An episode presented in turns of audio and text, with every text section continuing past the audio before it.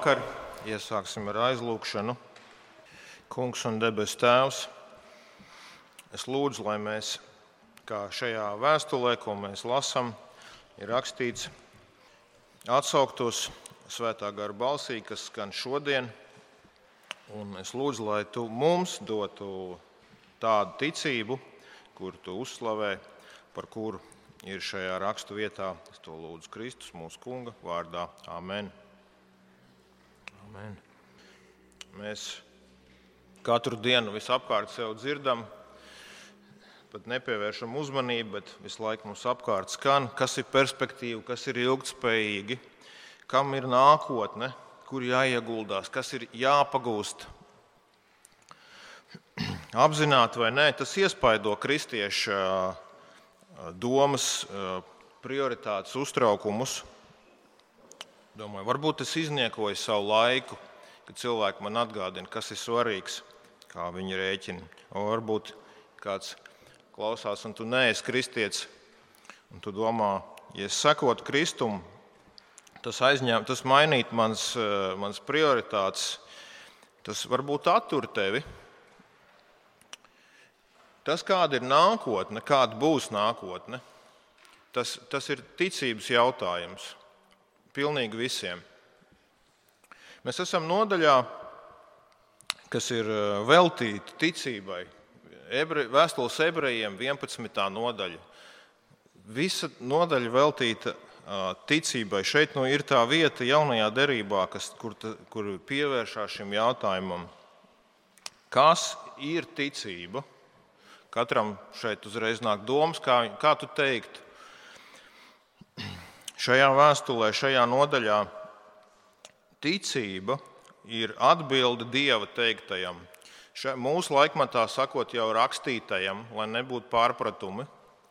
Rakstītajam tas ir tas, ko Dievs saka. Tas ir tas, ko Svētais Gars saka šodien, kā bija agrāk šajā vēstulē. Un ko viņš saka īpaši par nākotni. Īpaši par nākotni. Viņa, no, viņa nodomu vēstule iesākās, Dievs ir runājis, Nav klusējis. Viņš runā, viņš uzrunā pasauli savā dēlā. Skaļi un skaidri uzrunājis.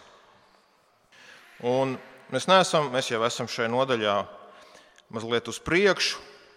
Mums bija Noā, kurš dzirdēja no Dieva, Dievs viņu uzrunāja, deva viņam vārdu par tiesu, kas ir priekšā, par plūdiem. Mēs to arī nesen svētdienas skolā dzirdējām, maziem mācījās. Un viņš ticēja, atšķirībā no visiem apkārtējiem. Viņiem bija savi uzskati par to, kas būs. Un viņš izglābās. Tad mums bija Ābrahams, kurš, kurš dzirdēja Dieva balsi, Dievs viņu uzrunāja. Stingrā nozīmē, nevis tā kā tādā, tādā, tādā pasaku nozīmē kaut kādā. Dievs ieradās, teica, apstiprināja, dodies prom no, no, no šīs savas zemes, kur tu esi, kur tu esi pat varbūt nozīmīgs. Es došu tev jaunu, labāku zemi veidošu. Jaunu tautu un Ābrahams ticēja un atsaucās un, un bija ieguvējs un uzvarētājs. Viņi, tā bija viņa atbilde uz vārdu. Tā ir ticība Bībeles nozīmē. Šodien mūsu galvenais varonis ir Mūzus, bet pirms mēs ķeramies pie Mūzus, kas ticība nav? Bībeles nozīmē, šīs vēstules nozīmē. Ticība nav, nav lēticība, tā nav naivums, tā nav viegla uzticēšanās, kā ir cilvēkiem ir īpašība. To mēs visi zinām, kāds, kādam ir vieglāk uzticēties, kādam grūtāk. Tam nav nekāda sakara, kas dažiem ir, dažiem nav. Tas nav vizionārisms, cilvēki ar lielu ticību. Tas ir kaut kas pilnīgi cits.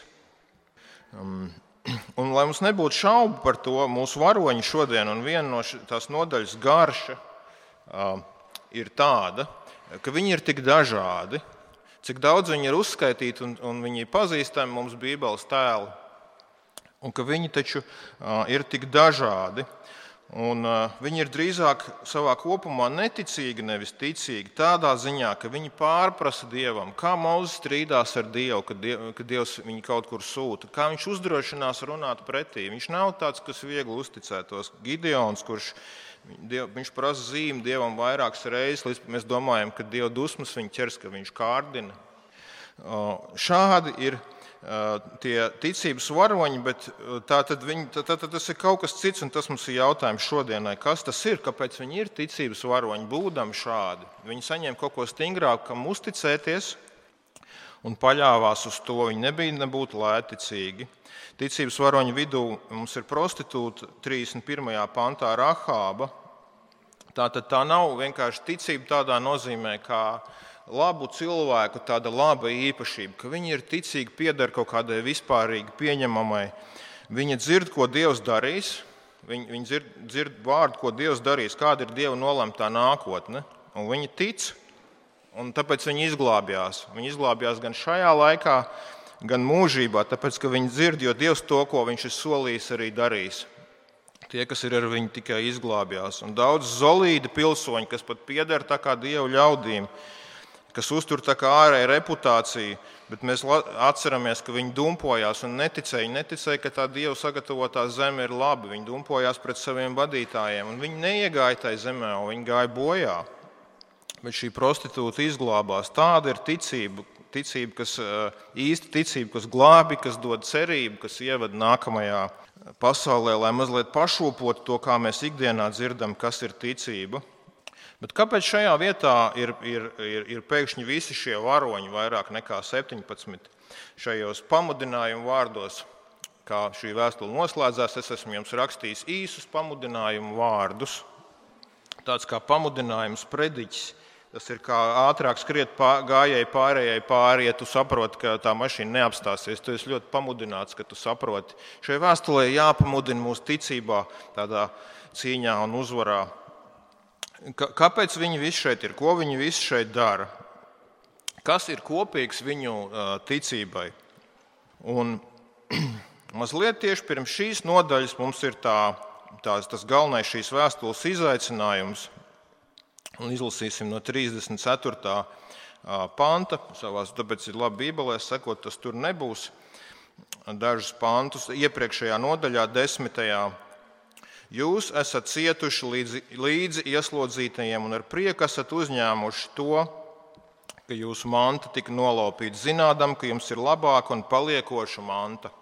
Tādēļ neatmetiet savu paļāvību, tā ir liela alga. Bet jums ir vajadzīga izturība, lai darīdam Dievu gribu, jūs saņemtu to, kas apsolīts. Jo vēl tikai mazliet, mazliet, un tas, kam jānāk, nāks un nekavēsies bet mans taisnais no ticības dzīvos. Taču, ja viņš atkritīs, manai dvēselē pie viņa nebūs lapatikas. Te ir tas vārds ticība, ka taisnais no ticības dzīvo, un tā, tas vārds, kurš mums tiek ilustrēts tik daudzos veidos, jo tas ir tik svarīgi, kā viņi izdzīvos. Tāpat kā šie ticības varoņi, kristieši mēs tiekam pārbaudīti, vai mēs neiemainīsim, vai mēs ticēsim ka mums ir labāka un paliekoša manta zem šīs spiediena atkrist no Kristus, kas bija tiem klausītājiem, kāds viņiem bija spiediens. Tie bija jūdu kristieši, jauni, un kopumā jūdu tauta nepieņēma Kristu. Un tev bija jāsa, tev, uz tevīm bija spiediens, ka tu tagad seko Kristum. Kā tas ir līdzīgi? Tā, tā reliģija bija arī šī laika centrēta. Bija skaists templis, skaisti priesteri. Varbūt tas tev, tas tev deva pie tā piederība mieru, labu stāvokli sabiedrībā, bet, ja tu biji kristietis, sekoji Kristum, tev bija jāatstāj visas šīs pieņemamās lietas, un tu nonāci burtiski zem vajāšanām. Tavu ģimeni tev vairs nepieņēma, iespējams, tavu darba vietu, un, vai, un tajā brīdī vai tu, neklus, vai tu nesāksi klusēt par Kristu. Vai tu nesāksi kaut kā izdevīgāk iekārtoties pa vidu? Un tas bija šo kristiešu izaicinājums. Tādēļ tā vēstule ir rakstīta lai pamudinātu, ne, nepalieciet. Un kā viņš pamudina? Kā viņš pamudina? Viņš saka, skatieties, ticības varoņi tik daudz. Un, un kas viņiem bija kopīgs? Viņi ticēja, ka tas tā manta, kas viņiem ir priekšā, viņi iegūta pamatojumu un noticēja un uzlika svaru, ka tā ir labāka. Un tāpēc viņi varēja pārvarēt. Viņi varēja pārvarēt šo spiedienu, viņi varēja pārvarēt kārdinājumus. Viņi varēja. Un skatieties, skatieties, viņi bija zaudētāji. Viņi nebija zaudētāji. Jūs izlasat visu to sarakstu. Un atrodiet tur vienu, kurš beigās ir zaudētājs. Viņi, tajā, tad, tad, kad tur, kur viņi bija, tur, kur viņi bija, tāpat kā mēs, viņiem bija drīzāk grūti. Viņi domāja, es būšu zaudētājs, varbūt. Un viņi padevās varbūt vairākas reizes, un varbūt viņi pārprasīja dievam piecas reizes. Bet beigās skatoties atpakaļ, tāpēc viņš liek par paraugu. Viņš saka, skatieties, viņi nebija zaudētāji. Skatieties, un jums arī tā būs pastāviet. Kāda mums ir izaicinājuma pastāvēt? Tas spiediens, kā pakārtot savu dzīvi, prioritātes, viņš noteikti uz mums uh, spiež, kam veltīties, mazliet nolaist acis. Es pilnīgi netīšām, nesaprotamā kārtā vienā nedēļā satiku četrus savus klases biedrus kas atgādina man, cik es esmu vecs, jo mēs skolu pabeidzām pirms 29 gadiem, kurus es nebiju redzējis 29 gadus, izņemot vienu no viņiem. Un tā, šīs sarunas, ko tu dari dzīvē, nu, aiz kurām stāv mazliet tas jautājums, ko tu esi sasniedzis, viņš tev pārbauda, ko tu esi, ko tu esi sasniedzis. Vai tu esi veiksmīgs un, un vai, Un, kā sev pasniegt, ko šeit noklusēt, noteikti uz mums ir spiediens. Mums liekas, mēs nevaram atkrist no Kristus tādā veidā, bet ir uz mums spiediens. Ir uz mums spiediens. Vai mēs sāksim darbā uzrunāt cilvēkus par Kristu, par evaņģēlīju, kaut kā izpaust to pārliecību, ka iespējams Dieva noliktā nākotne ir pilnīgi citādāka nekā varbūt jūs domājat, jo Viņš nav klusējis. Ja mēs neatbalstīsim praida mēnesi, Es nezinu, kā, kā, kā mums ies. Varbūt pagaidām tas, tas, tas būs diezgan neitrāli. Bet mums nevajadzētu to darīt. Jaunieši, ne, neklusējiet par evolūcijas teoriju, kur mācās skolās, protams, kā oficiāli protestējiet, kā variet. Es nezinu, kādas ir pilnās iespējas protestēt, bet dariet to, neklusējiet. Šī vēstule sākās ar to, ka Kristus, šis mūsu glābējs, mēs gribam būt glābti. Jā, jā, gribam, gribam, bet Viņš ir šīs, caur viņu šī pasaule radīta. Atzīt evolūcijas teoriju nozīmē noliekt Kristu. Tas nozīmē, ka arī, kad arī, kad arī šim visumam nav nekāda nav autora, un viņš nekur nevirzās, nekādas jēgas nav un arī nevar būt. Nevar būt nekādas nozīmes šai nākotnē, un tam ir arī atpakaļsaite uz mūsu pašu ticību. Mēs varam sākt iekšējā kompromisā, nonākt vecāki. Iedrošiniet, dēļ tā komforta, ko jūs domājat, labāk neko nesaki. Neupurējiet to, iedrošiniet jauniešus pārdomāt to jautājumu, ieņemt savu nostāju un, un protestēt savu iespēju robežās. Protams, negāzt varu uzreiz skolas, bet, bet runāt ar saviem, uh, uzdot, uzdot labus jautājumus. Uh, uz mums ir, ir šis bezdievīgais spiediens, kā mēs viņā pastāvēsim, kā mēs viņā pastāvēsim. Un mūsu, uh, mūsu sludinātājs tiem kristiešiem, kas bija zem tāda spiediena, Noliedz Kristu, un tev būs vieglāka dzīve, un, un, un, un, un tu nepazaudēsi savu mantu. Nepalīdz citiem kristiešiem, kurus varbūt liek cietumā par ticību, un, un tev būs viss kārtībā. Ja kā viņš iedrošina, ka viņi to ir darījuši, un saka, lai turpina darīt ticībā. Viņš dod mums tagad ved šajos piemēros. Un viņš šajos piemēros mūs ved, lai redzētu, skaties, viņi beigās nebija zaudētāji. Pastāvi, pastāvi ticībā. Tātad esam, mēs esam otrajā punktā. Viņu visu ticība arī bija pārbaudīta. Liekas, nu, viņiem bija viegli, viņi bija tādi ticīgi. Tāpēc es runāju sākumā par to. Nebija jau viņi citādāk nekā mēs. Viņiem arī bija grūti ticēt. Viņi nonāca zem lielāka spiediena nekā jūs, bet, viņi, bet viņi, tā, viņa ticība attaisnojās un vainagojās ar uzvaru. Ņemiet to par piemēru. No 17. panta, un tagad būs birums ar piemēriem. Ticībā Ābrahams par upuri pienesa īzāku, savu mīļoto dēlu, kad Dievs viņu pārbaudīja. Mazliet tālāk viņš saņēma īzāku atpakaļ no nāves, lai iegūtu to piepildījumu ticības. Abrahamam tajā brīdī bija jāupurē viss, viņam bija jāupurē dārgākais. Bet uz kā pamata? Mēs zinām, nekad un nekur nav iedrošināts cilvēku upurēšana un nekas tam līdzīgs. Bet tajā brīdī Dievs tādu pilnu uzmanību pievērst tam un pārbaudīja viņu tādā veidā. Un, un, un viņam teica, dari to. Un viņam bija jāuzticas Dievam vairāk nekā tam, kas viņam bija dārgākais, nekā tam, uz ko viņš lika visu savu cerību. Pat, pat Dieva apsolījums bija balstīts uz šo puiku, bet viņš sprieda, un te ir, es izlaidu to pantiņu, viņš, viņš saprata, ka viņš saņems viņu atpakaļ caur augšām celšanos. Jūs saprotat, ko tas nozīmē, ja? vecāki? Viņš saprata, ka viņš nomirs tas puika. Un tad Dievs viņu augšām cels. Tā viņš ticēja. Dievs izdarīja citādāk, nodrošināja jēru. Jā, bet tikai iedomājieties, kam viņš izgāja cauri. Bet viņš ticēja, un skatieties, viņš nepalika zaudētājos. zem, šīs, zem šī mirkļa milzīgā spiediena. Iesim tālāk, 22. pants. Jāzeps, kad bija vecs, Eģiptē deva, deva instrukcijas, ko darīt ar viņa kauliem, ka vest viņus uz apsolīto zemi. Iedomājieties, cilvēks, kuram ir bijuši spīdoši karjeri, viņš ir bijis augstākajās vietās Eģiptē, tā laika varenajā impērijā. Un tas, kas viņu interesē vecumdienās, ko viņš stāsta mazbērniem, ir nevis visi tie stāsti, cik viņš tur ir bijis veiksmīgs, bet ko darīt ar viņa kauliem. Jo skatieties, Dievam ir nākotne pilnīgi cita. Ēģipte ir nekas. Jūs iesiet uz apsolīto zemi, kad jūs iesiet uz to zemi ceļojumā, jums būs līdzi kaste ar maniem kauliem, lai, lai, lai būtu jocīgāk. Ja? Kad jūs šķērsosiet tūkstnesi, jums būs jānes. Kāpēc? Viņš parādīja, kur ir viņa cerība. Viņš parādīja, ka viņš tic un zina, ko Dievs veidos.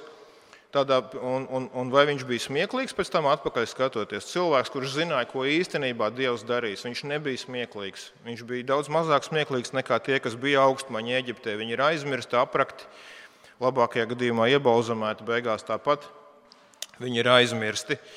Viņš ticēja un viņa ticība piepildījās.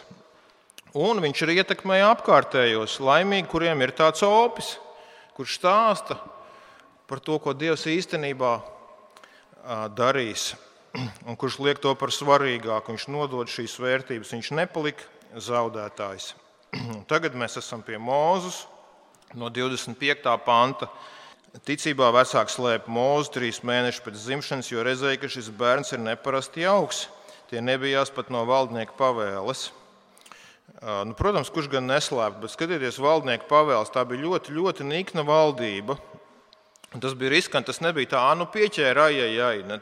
Viņi, viņi varēja paši iet bojā. Viņi riskēja iet bojā, lai izglābtu šo bērnu. Viņi ticēja, ka šis bērns būs īpašs. Viņa ticība piepildījās. Un no ticības viedokļa, ko mēs mācāmies, ir drošāk drošāk nepaklausīt bargam valdniekam, riskēt ar dzīvību, jo tā bija Dievs nolicis. Viņi ticēja. Tālāk mēs lasām ticībā Mūzus, kad viņš pieauga, liedzās saukties par faraona meitas dēlu. Viņš izvēlējās labāk paciest ļaunumu kopā ar dievu tautu, nekā iegūt īslaicīgu, grēcīgu iepriecinājumu. Kā tas ir iespējams? Kā viņš varēja tā iemainīt? Un Te atkal mums ir tāds vilinājums domāt, ka ticība ir tāds varoņdarbs. Nu, jā, viņš tā varēja pastāvēt, bet tas, nav, bet tas nav kas mums šeit ir likts pie sirds. Mūsu sludinātājs saka, un redziet, viņš saprata, ka viņš iegūs vairāk. Tas ir neticami, bet viņi arī bija aprēķinātāji, tāpat kā mēs. Viņi saprata, ka tas, ka tas status nav tik vērtīgs, ka viņš iegūs vairāk. ka tas būs īslaicīgs, grēcīgs, tas iepriecinājums būs apstākļi faraona galmā un, un, un visi tie labumi, bet tas būs īslaicīgs. Viņš saprata, ka viņš iegūs vairāk. Un, zinot mūsu dzīvi, mēs zinām, kas Mozus vēlāk patiešām bija. To viņš ieguva pat, pat šajā laikā. Viņš kļuva par vadītāju veselai tautai, nevis tikai par kādu kaut kur augstmani, un, nevis, un viņa, viņa gods un stāvoklis nevis īslaicīgi tikai, bet mūžīgi. Viņš ieguva pašu dievu, viņš ieguva pilsētu, kuras veidotājs ir dievs. Viņš ieguva debesu tēvī. Viņš saprata, ka viņš iegūs vairāk. Un tā ir ticība, kas spēja pārvarēt to spiedienu un to vilinājumu. Lasām tālāk, negodu Kristus dēļ viņš turēja par lielāku bagātību nekā visu Eģiptes mantu, jo viņš raudzījās uz atalgojumu uz atalgojumu. Viņš saprata, ka viņš saņems vairāk. Vairāk nekā Eģiptes mantu, bet kas ir šis negods? Iedomājieties, Mozus, ka tas ir negods Kristus dēļ. Viņam jau bija šī ticība, ka Dievs glābi, ka Dievs glābi Kristu un ka tas ir, ka tas ir negods, kas viņam ir jāpanes. Iedomājieties, viņš ganīja āvis, un, un, un tad viņš aprec vienu no tām, tām, tām meitām, tam, kam viņš tās āvis ganīja, bet viņš taču bija augstas kārtas un tik ilgi viņš viņus ganīja. Vai tad, kad Dievs viņu paaugstina un darbojās, tad atnāk viņa sievas tēvs Jētrus, un viņš priecājās, ka viņš uzzina visu Dieva glābšanas darbus. Viņš saka, viņš nav vīlies savā notā beigu beigās, tad viņš ir droši vien nelapojās ar viņu, gans kaut kāds. Bet beigu beigās viņa ticība piepildās. Šeit, es, lai es neaizmirstu vēlāk, es piekodināšu, ka ne visi, ne visi saņēma šo piepildījumu dzīves laikā. Tas šeit ir ļoti piekodināts. Bija citi, nu, patiesībā tādā ziņā Jāzeps un arī Ābrahams. Ābrahams nomira apsolīto zemi neredzējis, arī, Jēkabs, arī Jāzeps. Ja, Mozum ir tāds, varētu teikt, šī laika piepildījums lielāks nekā citiem, bet ne visiem tāds ir. Citi ir varoņi, kas, kā, kā, kā rakstīts, līdz pat nāves dienai ticēja nesaņēmuši apsolīto. Tātad tas nav vienkārši tik vienkārši, vai es tagad sludinu pārticības evaņģēlīju un labklājības. Tici, un tev būs vislabākā iespējamā dzīve. Ja jūs zināt, šo sludinātāju ar spīdīgiem zobiem, tas vienmēr smaida. Labākā iespējamā dzīve. Vai es, vai es to tagad sludinu? Tā atšķirība ir kur? Tā atšķirība ir tur, ka citi viņi, viņi tic un viņi šajā dzīvē to nesaņem. Tur ir tā atšķirība. Vai kā pat Ābraham ticība rakstīts, viņš saprata, ka viņš to puiku augšām celšanās saņems. Tas, ka viņš saņēma šeit, tas bija papildus.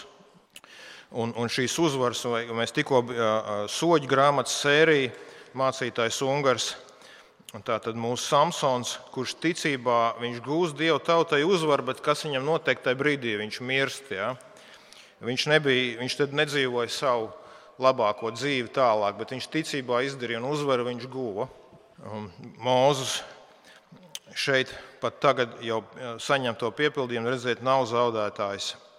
Faraona acīs viņš būtu izsmiekls. Kam jūs tur iesiet kalpot dievam vārdā? Kā to dievu sauc? Vārds Dievs vārdā, kungs, jūs iesiet, jūs faraona vergi iesiet visu tautu, nemūžam es jūs nelaidīšu. Kas tā pa misiju, smieklīga misija? Viņš bija izsmiekls Kristus dēļ, beigās uzvarētājs. Paliekot uzticams Dievu teiktajam, tu iegūsti vairāk, pat ciest negodu Kristus dēļ. Mums paliek vēl divi teikumi par mūzu. Ticībā viņš pameta Eģiptu un nebijās valdnieka dusmu. Viņš bija tik nelokams, it kā viņš redzētu to, kurš ir neredzams. Vēl viens teikums šajā ticības nodaļā, kas bija ticība, ir stingra paļaušanās uz neredzamām lietām uz vēl neredzamo nākotni.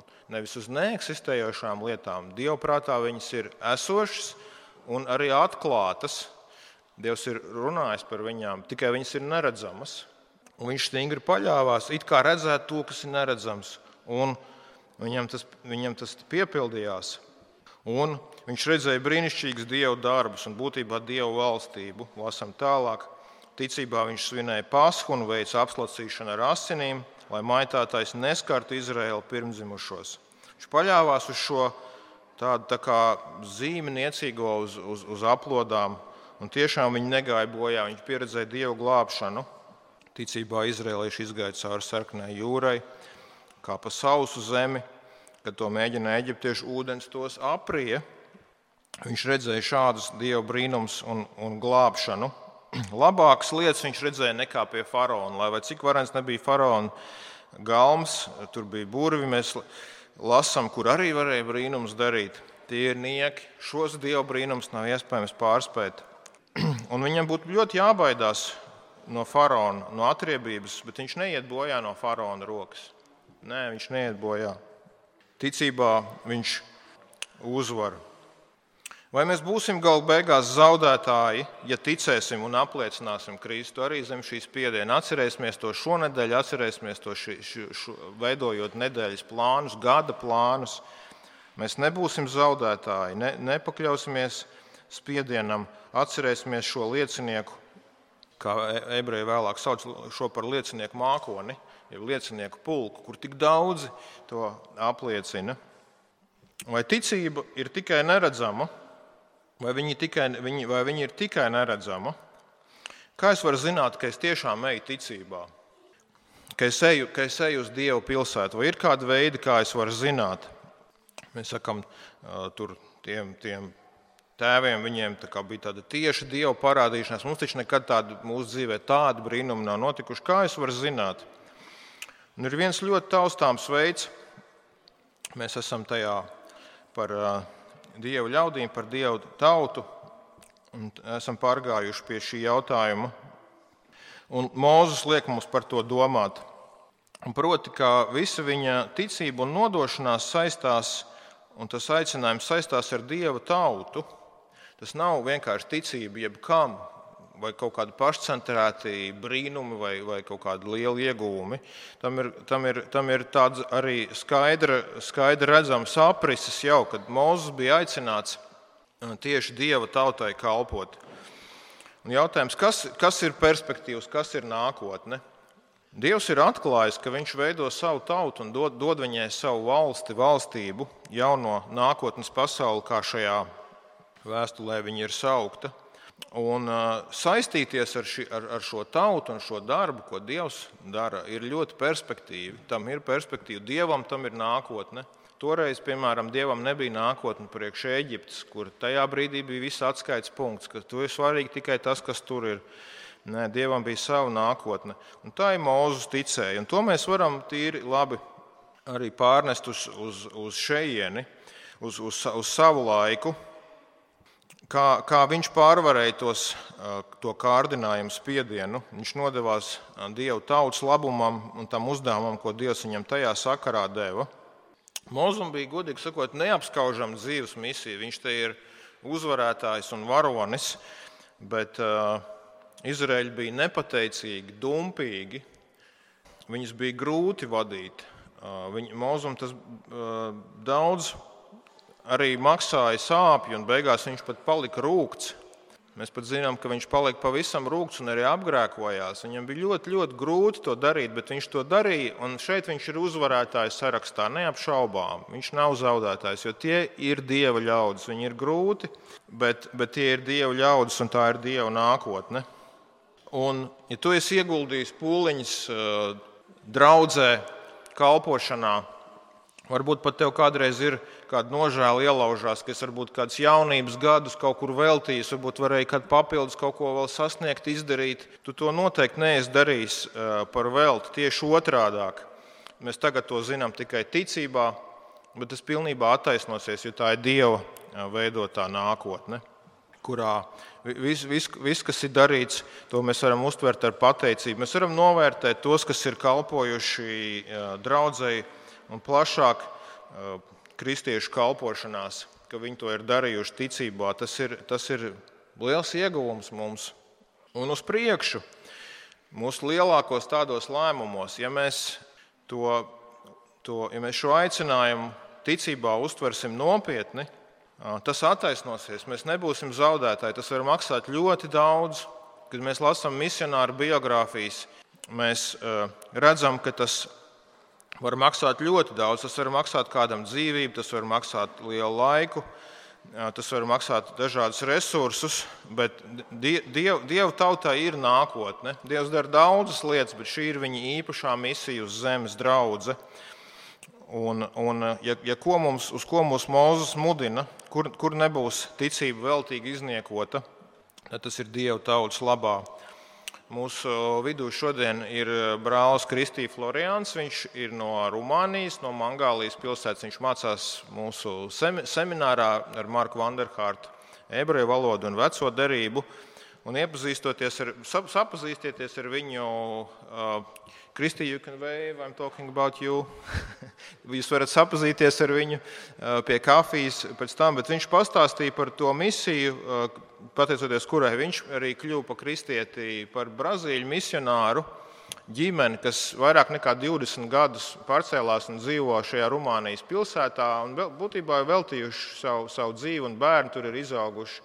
Šai draudzē, lai viņi tur būtu, lai šo, lai šo pilsētu aizsniegtu ar evaņģēliju un visas svētīgās lietas, kur viņi varējuši ir, ir izdarīt, sākot no 90. gadiem, kā Dievs ir glābis cilvēks, kā palīdzējis.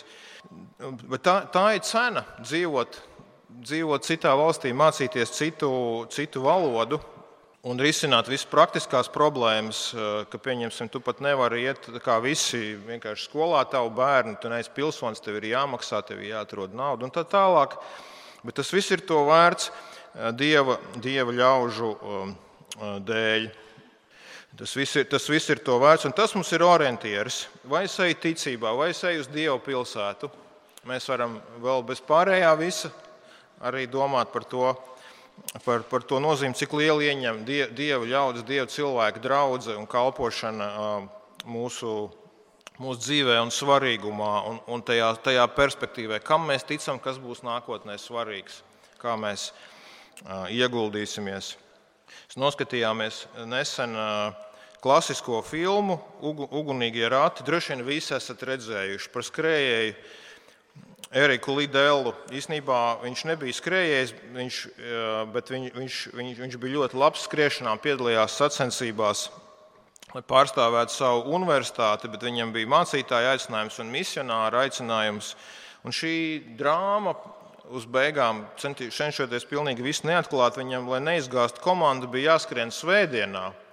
Un viņš nebija mieru skriet svētdienā, bet, tad, bet, bet viņi pat izsauc pie, pie, pie prinča uz, uz pārunām. Nu, tu nodos visus, bet viņš neskrien, viņam arī bija jāsludina tajā svētdienā.